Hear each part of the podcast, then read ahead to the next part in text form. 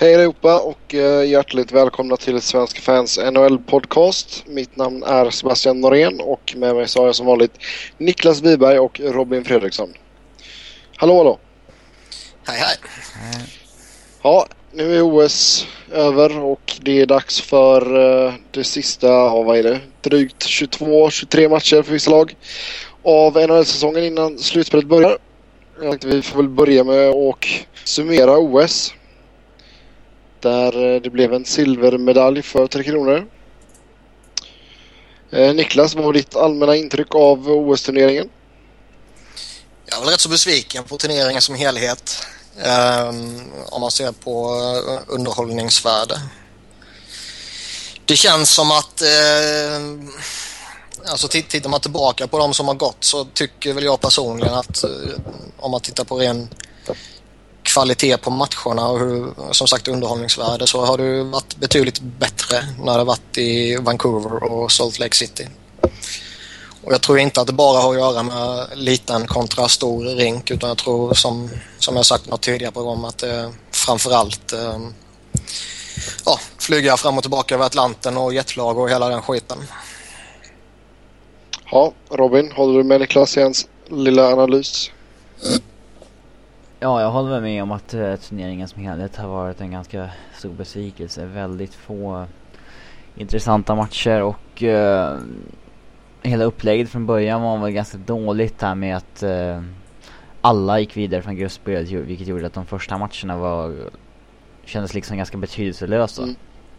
Mm. och sen ja, det hettade fortfarande inte riktigt till sen när det blev slutspel och alldeles för lite för att det ska bli särskilt intressant. Så att, uh, nej, tyvärr som helhet var det en ganska tråkig os Hur hade ni ändrat på upplägget för att få det att bli uh, mer intressant? Ja, till att börja med så, lite som Robin var inne på, så bör man väl i ett gruppspel på något sätt ha någon form av uh, utslagningstävling liksom. Uh, så att alla inte är garanterade vidare spel i ett slutspel. Sen kan man ju ha eh, vidare spel men då i en eh, om man säger nedflyttningskval så att säga för att undvika att trilla bort på något sätt. Ehm, men, men det känns liksom som, som Robin var inne på att gruppspelsmatcherna man tar dem med en axelryckning för man vet att okej okay, vad som än händer så kommer vi alltid ha chansen i slutspelet. Sen vill man ju givetvis uh, undvika den här eh, första rundan där då. Man vill ju gå direkt till kvarten. Men det är, nej, överlag är jag besviken och jag tror det är eh, för lite tävling helt enkelt. Ja, ja det, det kan jag väl hålla med om. Om vi kollar på Sveriges insats då. Eh, Tre Kronor som sagt silvermedalj. Eh, hyfsat, vad ska man säga, platta i finalmatchen mot Kanada då får man väl säga Ah, jag vet inte om jag tycker att det var så så dåligt i finalmatchen som det ändå var. Eh, så, eller som som många påstår. Jag, eh, under många perioder av finalen tycker jag ändå att Sverige gör vad de kan mot ett väldigt starkt Kanada. Det är ju det är ju trots allt bara två, kanske tre spelare i Sveriges trupp den dagen som skulle gå in i Kanada. Så att egentligen ska de ju inte ha en chans överhuvudtaget, känns det som.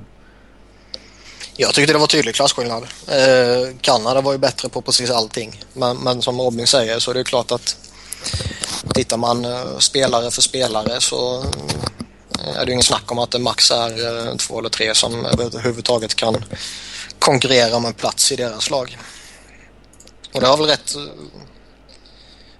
ja, det har väl sina förklaringar att det ingick då givetvis.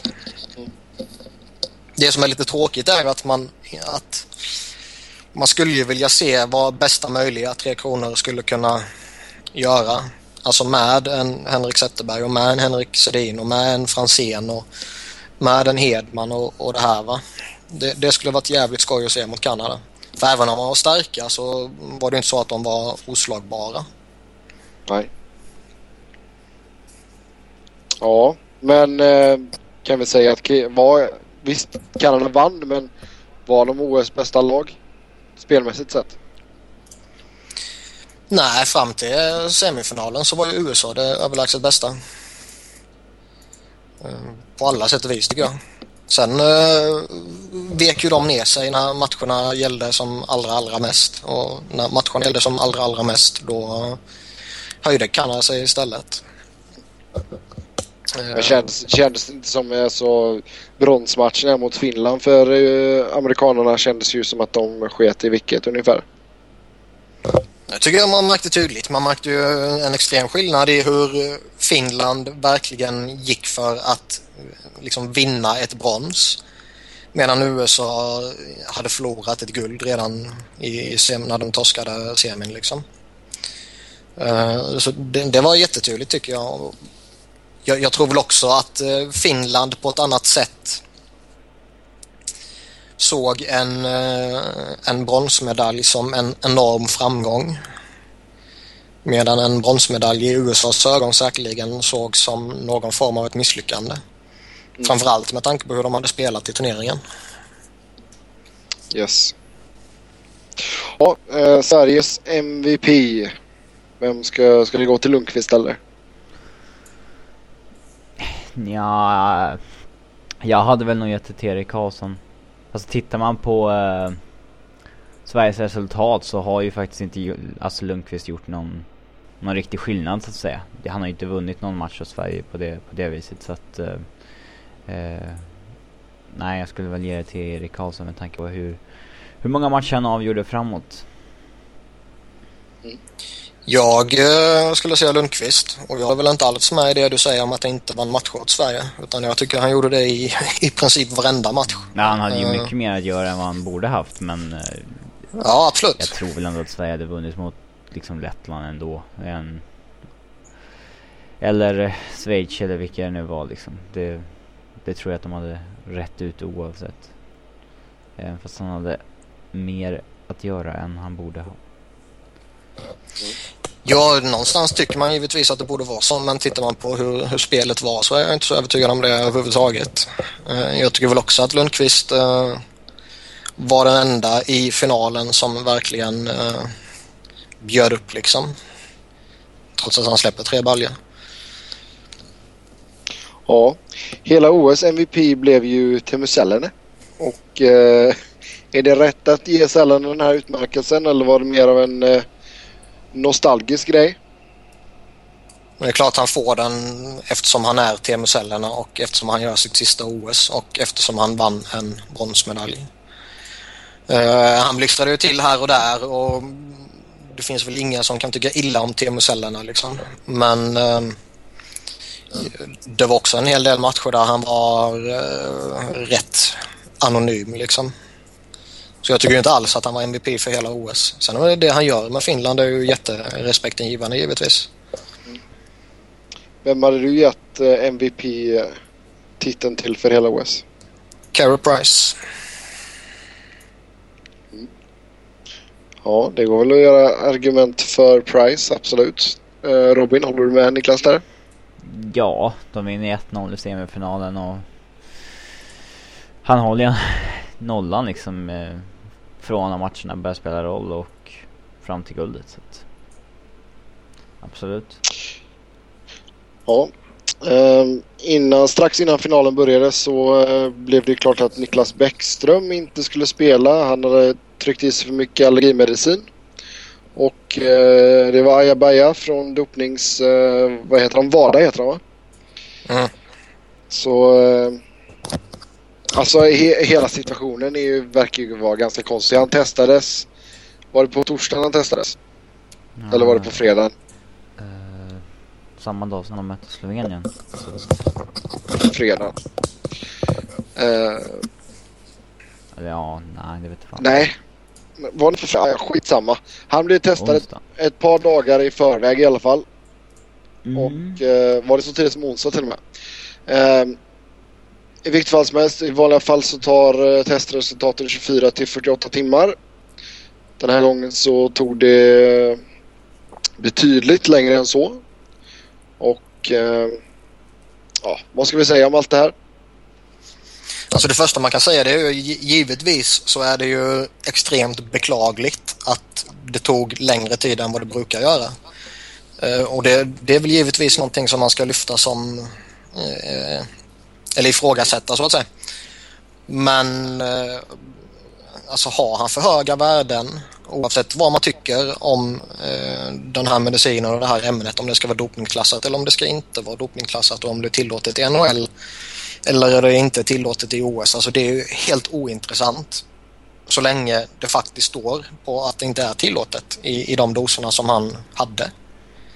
Uh, så alltså jag, för min del så är det ju korrekt gjort och det är en jätte, jätte eh, pinsam situation för eh, Bäckström själv och för eh, Valdebäck, läkaren och för Tre Kronor som helhet. Framförallt med tanke på hur de uppträder efteråt. de agerar typ som att de var taskiga som inte lät han spela efter att han hade lämnat ett positivt dopningsprov liksom. Var... Ja, liksom slänger konspirationsteorier till höger och vänster och anklagar allt och alla och, och så här liksom och, och, och verkligen uppträder som om det är liksom en, en 11-åring som eh, inte får göra någonting. Eh, och verkligen gnäller och liksom skämmer ut sig så det bara sjunger om det. Alltså jag kan ju hålla med om att det är dåligt av eh, dopningsbyrån Vara där att inte ge resultatet snabbare. Men det är som du säger Niklas, jag menar han har för höga värden, punkt slut. Ämnet står med på listan. Ja, men då, det, det är det som gäller liksom. Han låg en ganska bra bit över gränsen också. Alltså tillåtna... Det tar ju extra lång tid att framställa sånt här prov när det handlar om att kolla upp ett... Uh, hur mycket värde av ett visst ämne man har i sig. Inte bara att kolla upp uh, om man har i sig ämnet eller inte.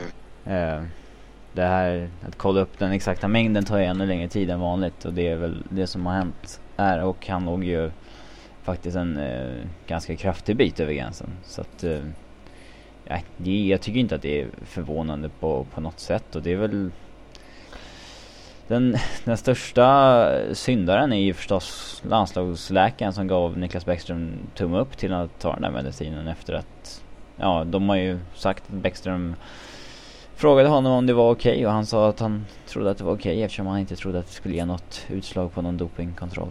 Så att, eh, där, det där hade han fel. Huvuduppgift. Det, men det är klart läkaren har ett ansvar men sen samtidigt hur man än vrider och vänder på det så är det alltid individen som har det slutliga ansvaret i vad man trycker i sig. Han måste ju ändå lita på sin läkare. Man, alltså han ja absolut, inte... det är klart man ska uh, lyssna på vad läkaren säger och, och vad kunnigt folk säger men alltså i slutändan är det alltid ditt eget ansvar. Jo, men han kanske dör ifall han inte äter medicinen. Ja, men det, jag skulle bli mycket förvånad om det inte finns någon eh, allergimedicin överhuvudtaget som eh, är bättre om man ser ur ren vad som finns på dopningslistan eller inte. Men sen vet man ju inte hur apoteken i Sochi har öppet heller vet du. Nej, men är man så jävla amatörmässig så att man inte löser det innan man kommer till Sochi då får man fan skylla sig själv. Ja, det var bara att hålla med där. Eh, något annat vi vill snacka om OS eller kan vi röra oss till NHL? Det man kan säga det är väl att jag, jag läste nu precis att Tommy Bostedt i alla fall har gått ut och bett om ursäkt. Eh, för det, eh, hur de uppträdde eh, på presskonferens och allt sånt här efteråt. Vilket givetvis är helt korrekt agerande av honom för han skämde ut sig rätt jävla saftigt som sett. Ja, ja vi kan väl ta skadorna i och för sig och uh, vad det kan betyda. Uh, vi såg en del OS-skador. Uh, jag rabblade upp namnen och vad, hur länge de beräknas vara borta. Henrik Zetterberg, ryggskada, borta till mitten av april. Mats Zuccarello, Eh, fraktur i handen, borta 3-4 veckor. John Tavares, knäskada, borta säsongen ut. Paul Martin, handskada, borta 3-4 veckor. Och sen eh, Backov, hur länge blir han borta? Jag tror det bara rör sig om några veckor, max. Ja. Och sen Kopecki. Jag tror det inte var så jätteallvarligt med honom heller. Men det är klart, alltså, den, den, den, största grejen här det är ju givetvis Hetterberg. Um, Att han är borta kanske två månader. Det kan vara ett rätt tungt slag för Detroit. Som, Absolut. som redan nu har eh, en jävligt tuff slutspelskamp framför sig. Och göra det utan Zetterberg och eh, vi vet att Datsjuk har haft lite problem fram och tillbaka så här. Det, det kan bli jävligt jobbigt för dem. Kan faktiskt men vad innebär, vad innebär de här skadorna för framtiden här då? Alltså, för det är ju ganska många ägare som inte är så jättesugna på att släppa spelarna till 2018 där i Sydkorea. Frågan är liksom om, om skador eh, påverkar den aspekten så extremt mycket ändå. Jag tror mer det stora problemet för dem det är det som ja, Ed Snyder bland annat då var ute och pratade om inför OS att det är eh, korkat och orimligt och etc. att göra ett uppehåll mitt under säsongen. Jag tror det är mer det de irriterar sig på och, och så här va. Eh, allt vad det kan påverka. Sen är det klart att eh, Detroit och Islanders och Pittsburgh och Rangers är betydligt mer irriterade på skadorna som blev än vad deras konkurrenter är. Ja, absolut. Men vadå, ska man flytta hockeyturneringen till sommar-OS då? Det var ju faktiskt någon som lyfte det som ett alternativ och det är väl inte helt korkat men jag tror väl inte det är helt rätt heller. Eh, med tanke på att det är en rätt eh, typisk vinteridrott. Utan det, det jag tror det är väl att eh, de kommer starta upp en World Cup och köra det istället. Men vadå, det borde väl kunna funka ändå. Så jag menar, basket, är basket en sommarsport? Ja, Ja, spelar ju inte på is eller något så att... Nej, men deras säsong är ju samma som hockeyn. Eller samma som NHL. jo men om man tittar utomhus, inomhus sport. Ja, jo, det, det kan jag hålla med om. Fast man kan. Ja, jo, det är sant. Men, eh, men om man då vill göra ägarna glada så hade ju sommar-OS kunnat vara ett alternativ. Ja, alltså det, allting handlar väl om hur man eventuellt skulle kunna få in en World Cup och i vilken tidsperiod den skulle ligga i. Eh, blir man gladare eller blir man mer bitter av att ha ett eh, medverkande i sommar-OS som väl är i augusti va? Eller typ World Cup i september. Mm. Ja, det är ju svårt att säga. För jag menar, har du World Cup i se- september då blir det ju nästan som försäsong för gubbarna då. Ja, Ja. Ja, jag vet inte. Alltså, men sen är ju frågan hur skulle OS se ut utan en NHL-spelare? Det skulle ju vara eh, elitserien och KHL och college-spelare från eh, USA och sånt där liksom. Det är väldigt svårt att gå tillbaka till det och få det att vara intressant igen. Ja, nej, Ja, det... det- vore ju ett jättemisslyckande om eh, de tappar NHL-spelarna. Mm.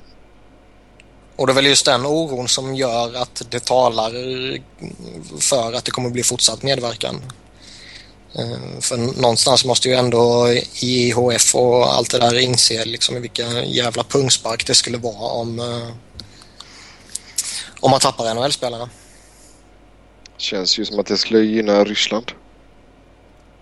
Ja, absolut. Och sen samtidigt tycker man också liksom att tittar man på vilket jättesnack det var kring hockeyn och kring NHL och kring eh, alla spelarna och allt sånt här under OS så var det ju en jätte, eh, jättepositiv exponering som NHL fick i och med att de skickade dit sina spelare. Och det måste väl de se också. Ja, medialt sett var väl detta en av de mest hårdbevakade OS-turneringarna förutom de som har varit här borta i Nordamerika. Så känns det nog. Ja, nu släpper vi OS och eh, allt det där. Vi får se vad som händer om fyra år. Ehm, nu blir det lite NHL-rykten och eh, vi börjar med New York Rangers, eh, Ryan Callahan och Dan Girardi. Och eh, det ryktas att det inte har kommit eh, någon vidare vart under eh, OS-uppehållet med förhandlingar om nya kontrakt. Så eh, vad kan hända med dessa två herrar? Nej, alltså det var ju snack tidigare eh, innan OS att uh, de skulle förlänga eller tradas innan OS och det blev det ju ingenting av. Så frågan är ju om, om de resonerar eh, likadant nu inför trade deadline. Att de eh, signar de inte inom eh, den här veckan så skeppas de ut. Det, eh, jag kan tycka det är lite märkligt att man eh, inte på allvar har skjutit fart på förhandlingarna under uppehållet här. I alla fall inte vad, vad ryktena säger. Eh, med tanke på att det är nu om någon gång som man har möjlighet att göra det. Eh, visst, visst Callahan spelade men eh, jag tror ju inte hans agent spelade. Girardi spelade ju inte så han borde man definitivt kunna kommit längre med även om han var på semester och allt det här.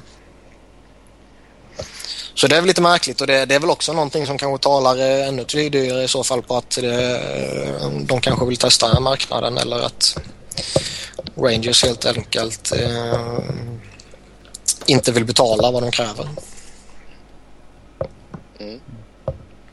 Eh, ryktas också att Martin Saint-Louis bad om en trade inför OS på grund av OS-nobben. Och eh, tvådelad fråga här då. Ett, är det rätt agerande? Och två, Tampa Bay och New York Rangers ska ha diskuterat en Callahan slash Saint-Louis trade och en åsikt på det tack.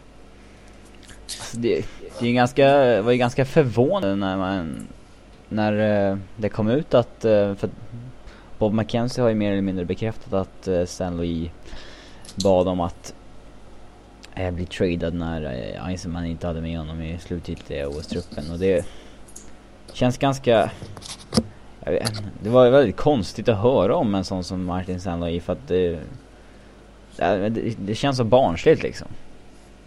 Det är inte, det var inte Iceman som inte ville ha med honom i truppen, det måste han ju fatta. Och, men sen samtidigt så var det Iceman, jag tycker också det är jävligt märkligt beteende, men samtidigt var det ju Iceman som trots allt hade eh, liksom the final word.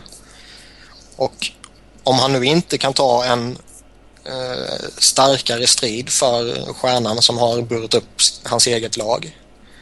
Eh, ja, en del av mig kan, eh, kan förstå att man blir eh, väldigt, väldigt eh, besviken och irriterad.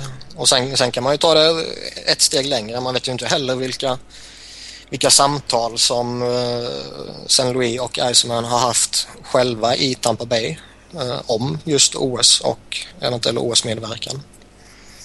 Ja, det är klart han liksom lovat honom en OS-plats och så blev det inte så då, då är det väl en, en annan sak men uh, det, det tror jag inte han har gjort. Nej, inte lovat men jag menar man, man kan ju hinta grejer fram och tillbaka och så här va. Och det, det är ju svårt att veta något om det. Um... Han måste ändå liksom förstå att det är ändå Kanadas landslag vi snackar om. Det är inte... Det är typ bara Crosby som är given i stort sett i forwardsuppsättningen. Resten är... Det kan gå lite åt vilket håll som helst. Det, ja. Jag tycker att det är konstigt att han som liksom...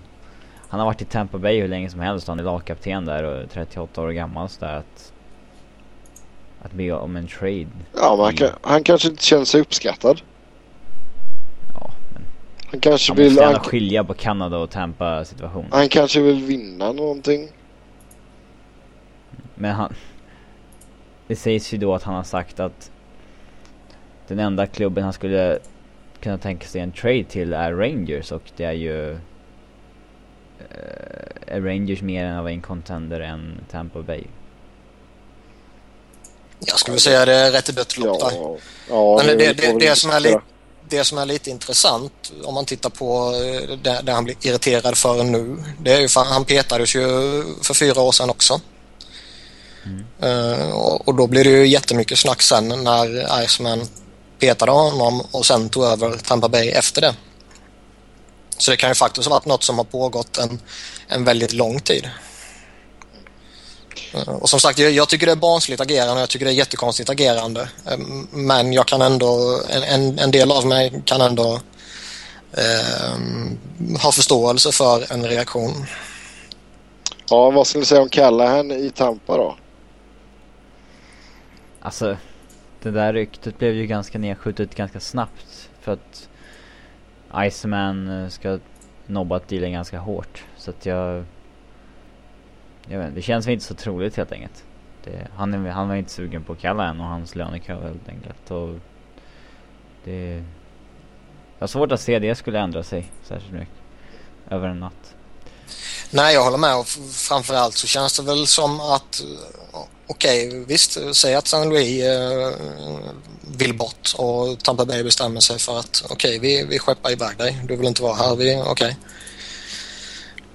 Då känns det väl inte direkt som att Ryan Callahan är den mest ultimata spelaren till att sätta in jämte Steven Stamkos.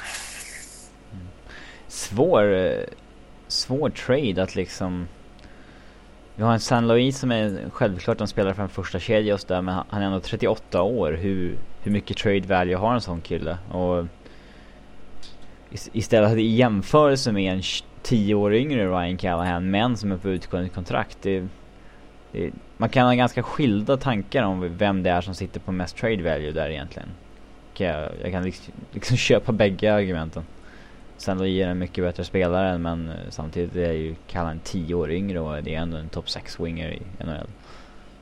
Ja, givetvis. Det håller jag med dig. Det, det är jätteflummigt. Eh, men, men, om man tittar på rent krasst spelartyp, vad som kan passa bäst eh, om man pratar ur Tampa Bays aspekt så det är inget snack om att San Louis är bättre. Ja, det känns inte som en trade som skulle passa någon av dem egentligen. Det, ja, alltså jag, jag, tror Rangers skulle nog må rätt väl eh, av att få in eh, San Louis. Han, han är ju jätteduktig och bör väl eh, kunna producera rätt bra där, tror jag nog ändå. Sen är frågan, eller frågan, det är inte någon fråga överhuvudtaget. Det är ju rätt givet att det är en kortsiktig lösning. Ja. Uh. Ja. Ja, vi går vidare. Andrei Markov sägs ha blivit erbjuden ett ettårskontrakt värt 6 miljoner. Och är det eh, galenskap eller är det bra business? Det vore, det tycker väl jag är snudd på ett, eh, alltså ett skam, åt skambudhållet om, eh, anser jag i alla fall. Han, han verkar ju själv vilja ha treårskontrakt. Och, eh, ja, alltså det är ju termen jag snackar om. Mm. Att, alltså det är klart att en sån där spelare in, alltså Mark Streit fick ju fyra år i fjol liksom. Varför skulle han nöja sig med ett ettårskontrakt? Ja, det... Jag skulle gärna dänga upp tre år för André Markov om eh, det var det som krävdes för att uh, inte tappa honom via Free Agency eller, eller om jag var ett lag som försökte signa honom via Free Agency i sommar. Men 6 ja, miljoner, det är ju bra betalt. Ja, ja men titta men på kontrakten som finns på marknaden. Alltså det, det, är inte helt orimligt för honom att uh, kräva de siffrorna. Men uh, ja, Robin jämförde uh, straight till exempel och det är en, en rätt rimlig jämförelse kan jag tycka. Påminner lite om när Gonchar träffade Free Agency-marknaden för några år sedan och signade tre år med åtta va? Till, vad var det, sex miljoner eller någonting. Um, jag, uh, alltså Markov, dessutom en sommar där det finns väldigt få back alltså det finns ingen Ryan Suter eller någonting på, på marknaden så att uh, han sitter ju ändå med en bra förhandlingssits här Markov. Det kommer ju garanterat sluta med att han får två eller tre år för uh, typ den där summan. Det är jag rätt övertygad om. Um, jag skulle ju bli väldigt, väldigt förvånad om uh, Habs släpper honom till Free Agency. Mm. Mm. Ja, han har varit duktig för dem i år. Christian Ehrhoff Uh, intressant spelare framåt trade deadline. Vad, vad tror vi kan hända med honom? Alltså jag, jag tror det kan bli en rätt eftertraktad spelare ändå. Uh, visst, han är signad i en hel evighet och det är väl kanske något som avskräcker och som bör avskräcka. Men, uh, men Samtidigt så är ju stora lönen ska kontrakt redan Ja, jag tänkte säga det. Alltså de här 10 miljonerna hade första året och sen hade han 8 miljoner och det var lite signingbonusar och allt sånt här. Det, det är ju allt borta nu så han har ju bara han har en drös år med 4 miljoner kvar och sen har han ett, ett år på 3 miljoner och sen tre slutliga år på, på 1 miljon. Så jag menar rent finansiellt är det ju ett jättehanterbart kontrakt och eh, 4 miljoners capita för, för honom är ju inte på något sätt eh, dåligt. Nej, framförallt inte om man kan återfinna sin form från Vancouver-tiden. Ja, och hamnar han i ett vettigt lag så bör han väl uh, i alla fall kunna närma sig den nivån. Ja, verkligen. Gudarna ska veta det är inte lätt att göra något vettigt i Buffalo. Nej, en mm. annan som behöver ett vettigt lag det är Ryan Miller, Sabres målvakt. Uh, nya rykten säger att Sabres vill behålla Miller. Och uh, har man velat det hela tiden eller har man gjort en kovändning nu? Jag tror man känner, alltså... Jag tror man inser att man inte kan få någonting för honom. Och att man kanske hoppas på att signa honom och... Eh, jag menar kanske att det ska finnas en större behov av målvakter inom ett år eller någonting. Jag vet inte men... I alla fall uppenbart att det finns ingen marknad för honom via trade. I alla fall inte om de ska få något vettigt tillbaka. Um, jag tror inte de vill förlora en asset som honom helt enkelt. Under en rebuild. Nej, jag, jag tycker det känns som rätt uh, givet om, om de tidigare ryktena stämde. Men om vi förutsätter det så, så känns det rätt givet att uh, de har helt enkelt inte fått de erbjudandena, om de ens har fått erbjudanden, som, eh, som de förväntade sig. Mm. Och eh, vad talar för att Miller vill stanna? Ja, det är väl att han har varit där så länge. Ja, vi rotade med familj och sånt där. Det är väl det enda för att uh, han har inte sett lycklig ut där på väldigt många år. på, på isen. Så att uh, det talar väl inte för det. Ja, hade jag varit han hade det ju inte varit ett dugg intressant Nej. att vara kvar där. Jobbar inte hans brud i typ Hollywood eller någonting också? Ja, jag för man dejtar någon uh, skådespelerska. Niklas, har inte du koll på sånt där skvaller? Nej, det är ditt skrivbord. Det ligger hos ja. dig. Alltså. Där du bor ja, där för fan. ja, sant. Nej, jag för mig att det är något sånt. Uh, det är därför det har varit mycket snack om att han vill till uh, Western Conference. En kille som gjorde ett helt okej okay OS det var Alice Hemski och eh, tror vi på ökat intresse kring honom nu eller är priset fortfarande för högt? Jag tror väl inte priset är så jätteorimligt. Jag, jag tror väl snarare det är eh, så om man vill ha spelaren överhuvudtaget. Eh, jag har ju svårt att tänka mig att Edmonton eh, förväntar sig Eh, något superfantastiskt enastående erbjudande för Alchemski. Utan liksom det intressanta är ju snarare om ett eh, helt okej okay OS faktiskt eh, gjorde att GMs med lite eh, lagom panik eh, får för sig att Nej, men fan, han kan nog göra lite nytta för oss ändå. Det är ju det som är det intressanta.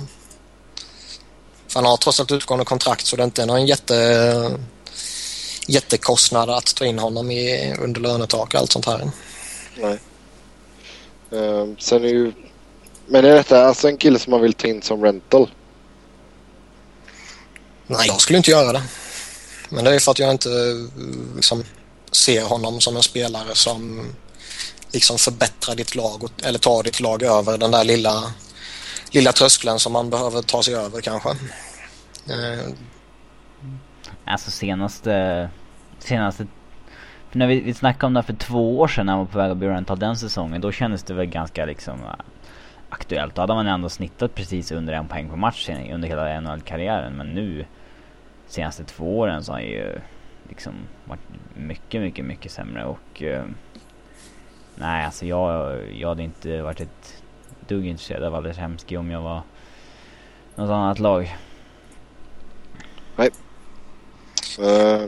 Det är väl lite, eh, om man ser ur Edmontons och hans synvinkel så är det väl lite olyckligt också att han blir UFA den här säsongen. Eh, just med tanke på att rätt många lag har rätt tajt mot, mot lönetaket. Mm. Hur sugna tror ni Oilers är på att signa nytt med Hemsky? Jag tror att de signade nytt med honom förra gången för att trada honom senare och... Uh, nej, det gick ju inte jättebra. Så de är nog inte så sugna på att behålla honom. De är nog glada att bli av med 5 miljoner från deras lönelista och ha lite mer fria tyglar att gå in i free agency-marknaden med. Mm.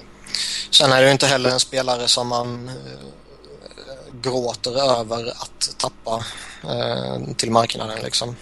Mm. Om man, jämför med, vissa, om man jämför med vissa andra som har utgående kontrakt så ja, man vill ju inte förlora en Ryan Callahan eller Dan Girardi till Free Agency utan att få någonting. Men mm. Aleshemski ja, är skitsamma ju. Ja, så man bör lyssna på alla bud om man är Edmonton med andra ord. Uh, nu ska vi prata lite om Robins uh, kära Colorado. Där Alex Tengay är borta säsongen ut. Hur påverkar det Colorado, Robin? Uh, de har ju varit skitbra med honom i line-upen. De har vunnit 15 och 16 matcher. Men eh, det är fortfarande en spelare som har varit borta större delen av säsongen. Så att det, det bör inte bli någon jätteskillnad. Och han har ju haft problem både med en höft och ett knä så att eh, det är väl tanken är väl att han ska operera det nu så och eh, han har ju under de matcherna han spelat haft problem med det så att eh, ja det det borde inte vara någon större större förlust ändå men det är klart att det inte det är fortfarande en topp 6 forward som man tappar så att ja. Kan det påverka hur man agerar den här veckan innan deadline? Ja, alltså lokala beatwritern Adrian Day tror jag att det inte kommer hända någonting alls kring Avs i alla fall. Att de eh, inte kommer ta in någon rental eller något så att eh, de vill heller inte ta in några äldre spelare utan de vill fortsätta ha ett ungt lag och eh, de ser den här säsongen som en ganska stor framgång så att de redan som den är, de behöver inte pusha för mer känner de. Så att, eh, jag tror inte att de kommer försöka ersätta Tangy på något sätt i alla fall. Nej. Nej. Ja. Um, Nathan McKinnon uh, leder ju laget med 22 baljer. En liten sidonot här. Tror du att han kommer att ta hem Calder Trophy? Ja. ja. Han har blivit Då... mer och mer dominant under säsongen och Hurtel har blivit skadad och lite sådär så att uh, konkurrensen faller isär lite. Yes. Ja, med det eh, bombnedslaget så avslutar vi eh, veckans podd. Som vanligt så vill ni köta hockey med oss så går det bra att göra det via Twitter. Mig hittar ni på att Noren.